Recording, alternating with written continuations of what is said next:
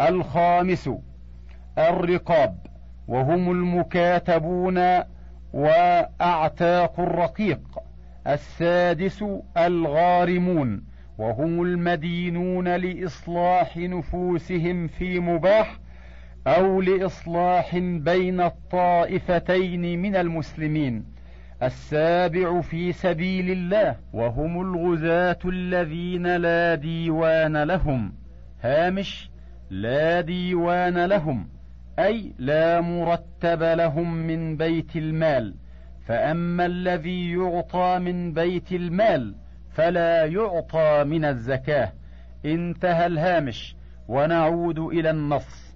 والثامن ابن السبيل وهو المسافر المنقطع به وإن كان ذا يسار في بلده. فهؤلاء هم أهل الزكاة لا يجوز دفعها إلى غيرهم ويجوز دفعها إلى واحد منهم لأنه صلى الله عليه وسلم أمر بني زريق بدفع صدقتهم إلى سلمة ابن صخر وقال أقم يا قبيصة حتى تأتينا الصدقة فلنأمر لك بها. ويدفع إلى الفقير والمسكين ما يتم به كفايته وإلى العامل قدر عمالته وإلى المؤلف ما يحصل به تأليفه وإلى المكاتب والغارم ما يقضى به دينه وإلى الغازي ما يحتاج إليه لغزوه وإلى ابن السبيل ما يوصله إلى بلده ولا يزاد واحد منهم على ذلك وخمسة منهم لا يأخذون إلا مع الحاجة وهم الفقير والمسكين والمكاتب والغارم وابن السبيل وأربعة يجوز الدفع إليهم مع الغنى وهم العامل والمؤلف والغازي والغارم لإصلاح ذات البين. باب من لا يجوز دفع الزكاة إليه. لا تحل لغني ولا لقوي مكتسب ولا تحل لآل محمد صلى الله عليه وسلم وهم بنو هاشم ومواليهم ولا يجوز دفعها إلى الوالدين وإن علوا. ولا إلى الولد وإن سفل ولا إلى الزوجين ولا إلى من تلزمه مؤونته ولا إلى الرقيق ولا إلى كافر. فأما صدقة التطوع فيجوز دفعها إلى هؤلاء وإلى غيرهم ولا يجوز دفع الزكاة إلا بنية أن يأخذها الإمام قهرا. وإذا دفع الزكاة إلى غير مستحقها لم يجز إلا الغني إذا ظنه فقيرا. كتاب الصيام. ويجب صيام رمضان على كل مسلم بالغ عاقل قادر على الصوم. ويؤمر به الصبي إذا أطاقه. ويجب بأحد ثلاث أشياء. كمال شعبان ورؤية هلال رمضان ووجود غيم أو قتر ليلة الثلاثين يحول دونه. وإذا رأى الهلال وحده صام وإذا صام عدلا صام الناس بقوله. ولا يفطر إذا رآه وحده وإذا صاموا بشهادة اثنين ثلاثين يوما أفطروا. وإذا كان بغيم أو قول واحد لم يفطروا إلا أن يروه أو يكملوا العدة هامش يعني إذا لم يروه. وإذا اشتبهت الأشهر على الأسير تحرى وصام فإن وافق الشهر أو ما بعده أجزأه وإن وافق قبله لم يجزه باب أحكام الفطرين في رمضان. ويباح الفطر في رمضان لأربعة أقسام. أحدها المريض الذي يتضرر به والمسافر الذي له القصر فالفطر لهما أفضل وعليهما القضاء وإن صاما أجزأهما. الثاني الحائض والنفساء تفطران وتقضيان وإن صامتا لم يجزهما. الثالث الحامل والمرضع إذا خافتا على ولديهما أفطرتا وقضتا وأطعمتا عن كل يوم مسكينا وإن صامتا أجزأهما. الرابع العاجز عن الصيام لكبر أو مرض لا يرجى برؤه فإنه يطعم عن كل يوم مسكينا. وعلى سائر من أفطر القضاء لا غير إلا من أفطر بجماع في الفرج فإنه يقضي ويعتق رقبه. فإن لم يجد فصيام شهرين متتابعين فإن لم يستطع فإطعام ستين مسكينا فإن لم يجد سقطت عنه فإن جامع ولم يكفر حتى جامع ثانية فكفارة واحدة وإن كفر ثم جامع فكفارة ثانية وكل من لزمه الإمساك في رمضان فجامع فعليه كفارة. ومن أخر القضاء لعذر حتى أدرك رمضان آخر فعليه فليس عليه غيره. ومن فرط أطعم مع القضاء لكل يوم مسكينا. وإن ترك القضاء حتى مات لعذر فلا شيء عليه. وإن كان لغير عذر أطعم عنه لكل يوم مسكينا إلا أن يكون الصوم منذورا فإنه يصام عنه. وكذلك كل نذر طاعة. باب ما يفسد الصوم. ومن أكل أو شرب أو استعط أو وصل إلى جوفه شيء من أي موضع كان هامش الجوف هو البطن. انتهى الهامش ونعود إلى النص. أو استقاء فقاء أو استمنى أو قبل أو لمس فأمنى أو أمذى أو كرر النظر حتى أنزل أو احتجم عامدا ذاكرا لصومه فسد. وإن فعله ناسيا أو مكرها لم يفسد صومه. وإن طار إلى حلقه ذباب أو غبار أو تمضمض أو استنشق فوصل إلى حلقه ماء أو فكر فأنزل أو قطر في إحليله أو احتلم أو زرعه القيء لم يفسد صومه. ومن أكل يظنه ليلا فبان نهارا أفطر. ومن أكل شاكا في غروب الشمس فسد صومه. باب صيام التطوع. أفضل الصيام صيام داود عليه السلام. كان يصوم يوما ويفطر يوما. وأفضل الصيام بعد رمضان. شهر الله الذي يدعونه المحرم وما من أيام العمل.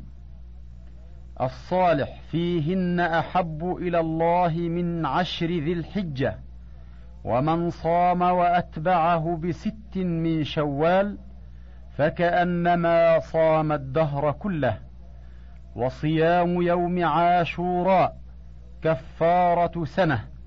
وصيام عرفة كفارة سنتين ولا يستحب لمن بعرفة أن يصومه هامش لأن الصوم يضعف الرجل عن الدعاء والتضرع إلى الله والابتهال إليه في تلك العشية المباركة.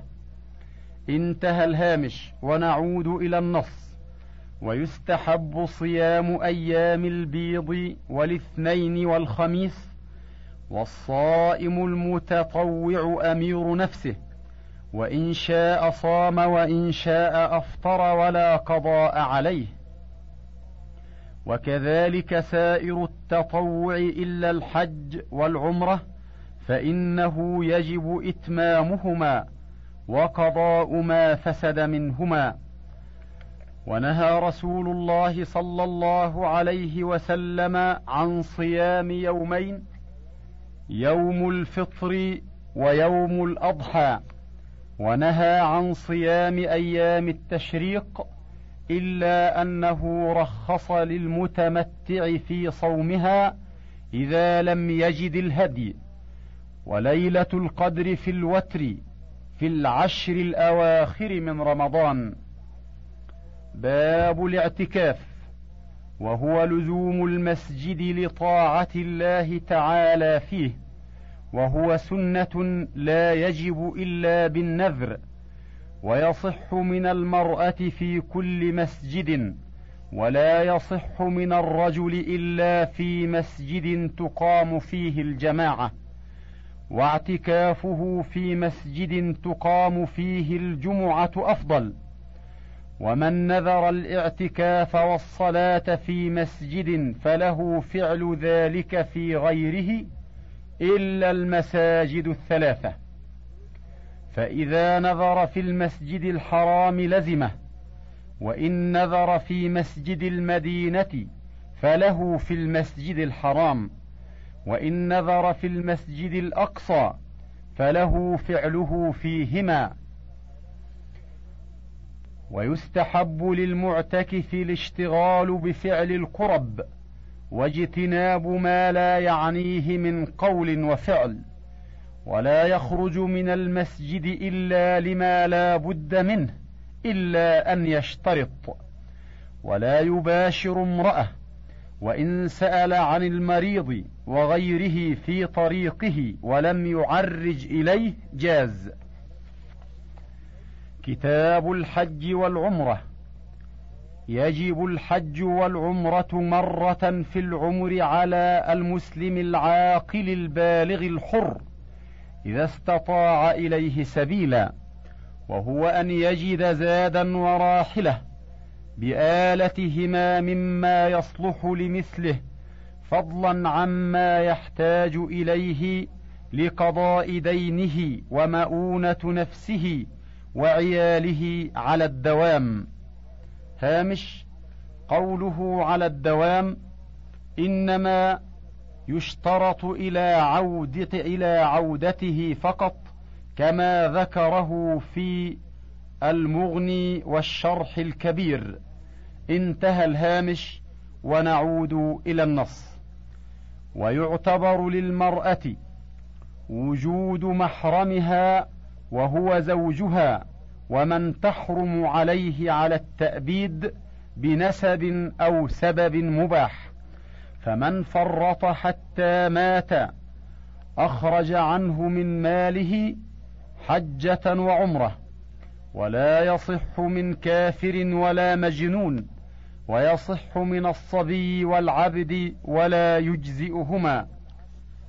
هامش أي عن الفرض. فإذا بلغ الصبي أو أعتق العبد وجب عليهما الحج. انتهى الهامش ونعود إلى النص. ويصح من غير المستطيع والمرأة بغير محرم.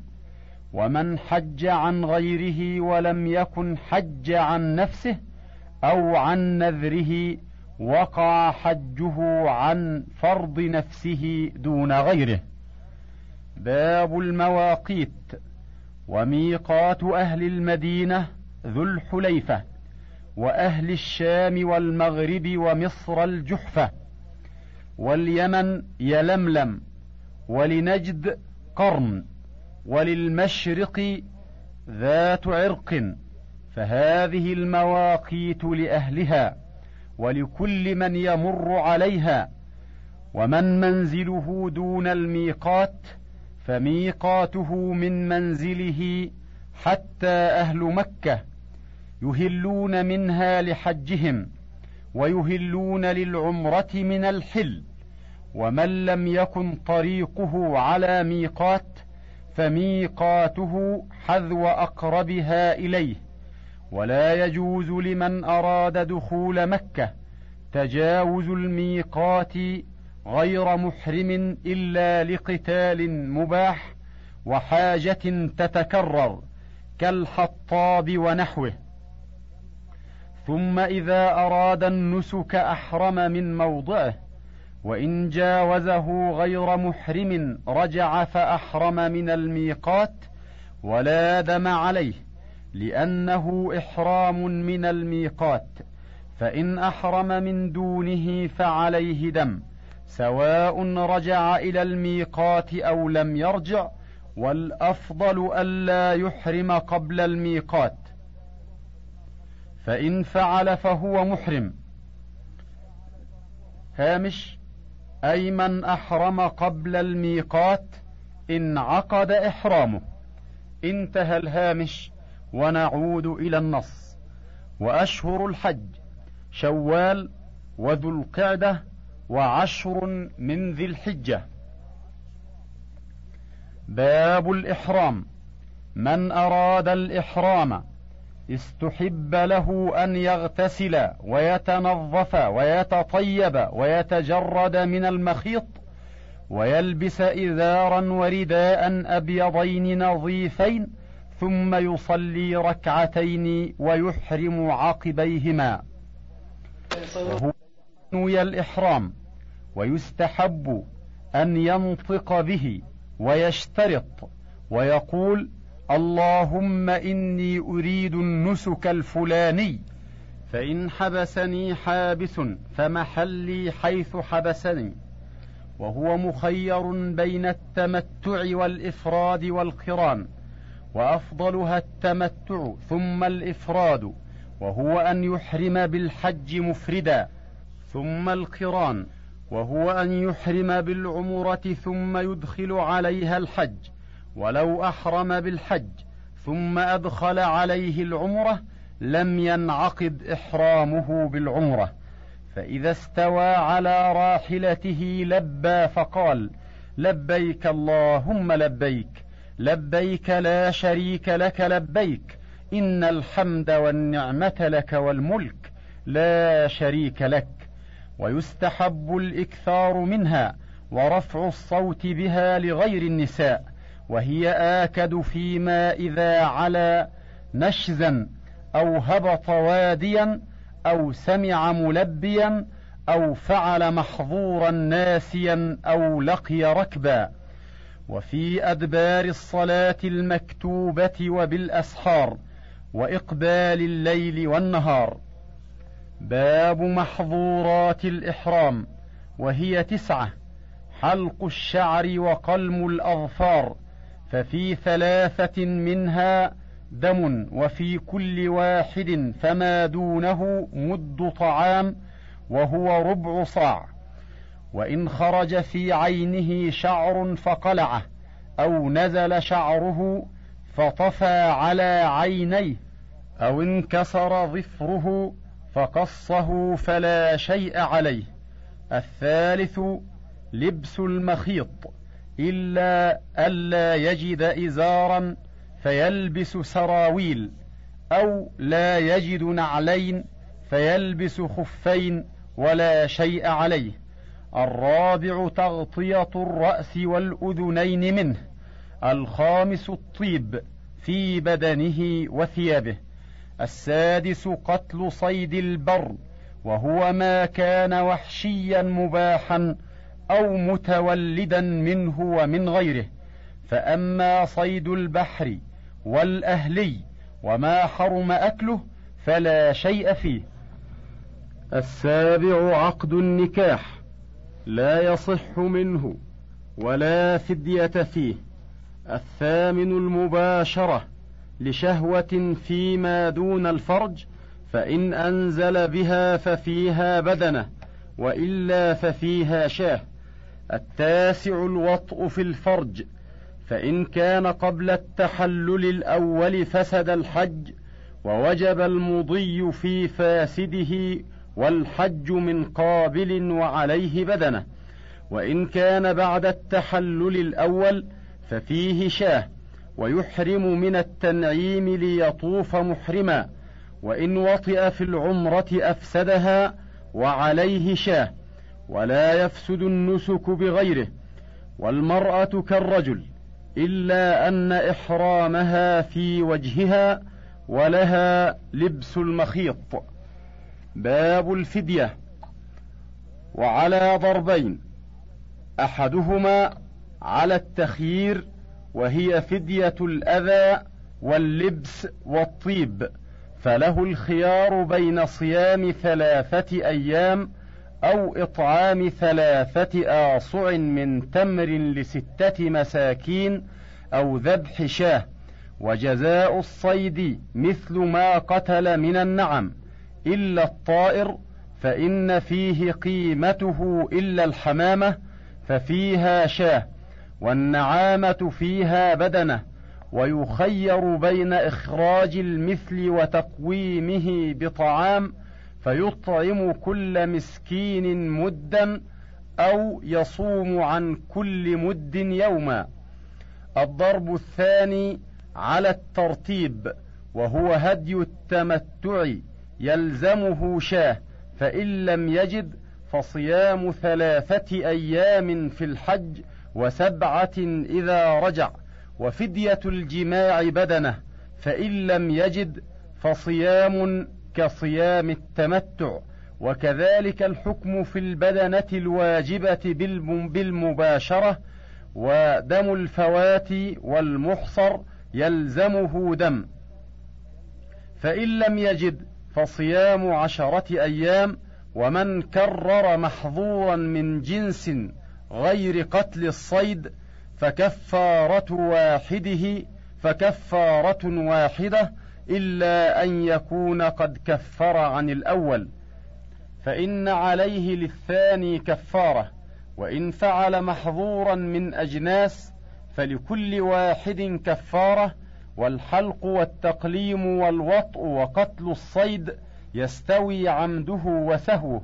وسائر المحظورات لا شيء في سهوها وكل هدي أو إطعام فهو لمساكين الحرم إلا فدية الأذى فيفرقها في الموضع الذي حلق به وهدي المحصر ينحره في موضعه وأما الصيام فيجزئه بكل مكان.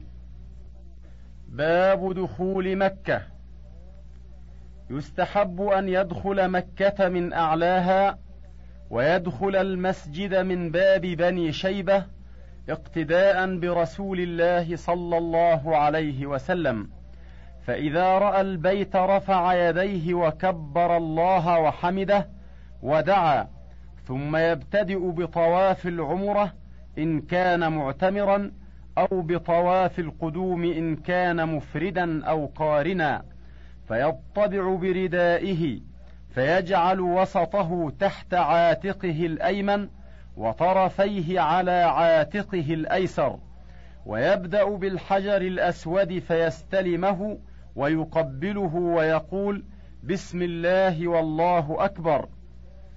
اللهم إيمانا بك وتصديقا بكتابك ووفاء بعهدك واتباعا لسنة نبيك صلى الله عليه وسلم ثم يأخذ عن يمينه ويجعل البيت عن يساره فيطوف سبعا يرمل في الثلاثة الأولى من الحجر إلى الحجر ويمشي في الأربعة الأخرى وكلما حاذ الركن اليماني والحجر استلمهما وكبر وهلل ويقول بين الركنين ربنا آتنا في الدنيا حسنة وفي الآخرة حسنة وقنا عذاب النار ويدعو في سائره بما أحب ثم يصلي ركعتين خلف المقام ويدعو ثم يعود إلى الركن فيستلمه ثم يخرج إلى الصفا من بابه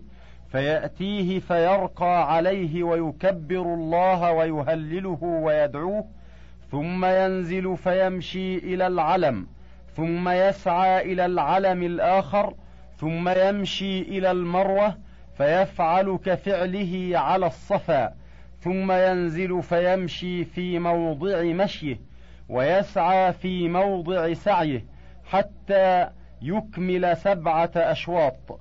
يحتسب بالذهاب سعيه وبالرجوع سعيه. يفتتح بالصفا ويختتم بالمروة ثم يقصر من شعره إن كان معتمرا وقد حل إلا المتمتع إن كان معه هدي والقارن والمفرد فإنه لا يحل والمرأة كالرجل إلا أنها لا ترمل في طواف ولا سعي. باب صفة الحج.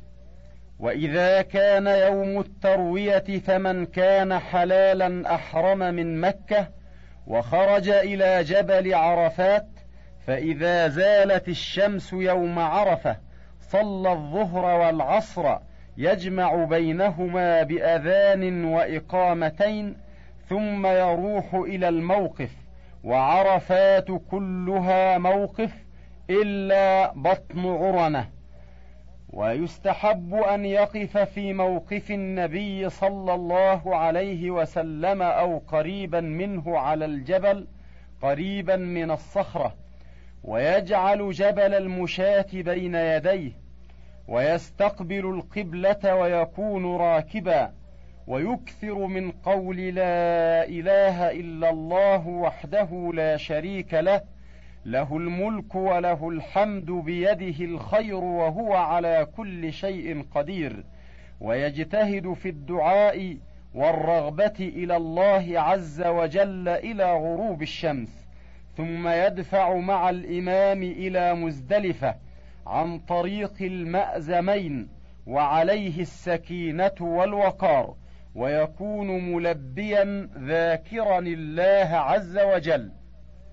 فإذا وصل مزدلفة صلى بها المغرب والعشاء قبل حط الرحال يجمع بينهما ثم يبيت بها ثم يصلي الفجر بغلس ويأتي المشعر الحرام فيقف عنده ويدعو ويكون من دعائه. اللهم كما وقفتنا فيه وأريتنا إياه فوفقنا لذكرك كما هديتنا واغفر لنا وارحمنا كما وعدتنا بقولك وقولك الحق. فإذا أفضتم من عرفات فاذكروا الله عند المشعر الحرام. الآيتين إلى أن يسفر. ثم يدفع قبل طلوع الشمس فإذا بلغ محسرا أسرع قدر رمية بحجر حتى يأتي منا فيبتدئ بجمرة العقبة فيرميها بسبع حصيات كحصى الخذف ويكبر مع كل حصاة ويرفع يديه في الرمي ويقطع التلبية بابتداء الرمي ويستبطن الوادي ويستقبل القبلة ولا يقف عندها ثم ينحر هديه ثم يحلق رأسه أو يقصره ثم قد حل له كل شيء إلا النساء ثم يفيض إلى مكة فيطوف للزيارة وهو الطواف الذي به تمام الحج ثم يسعى بين الصفا والمروة إن كان متمتعا أو ممن لم يسعى مع طواف القدوم ثم قد حل من كل شيء. ويستحب أن يشرب من ماء زمزم لما أحب ويتضلع منه ثم يقول اللهم اجعله لنا علما نافعا ورزقا واسعا وريا وشبعا وشفاء من كل داء واغسل به قلبي واملأه من خشيتك وحكمتك. انتهى الشريط الثاني. وللكتاب بقية على الشريط التالي.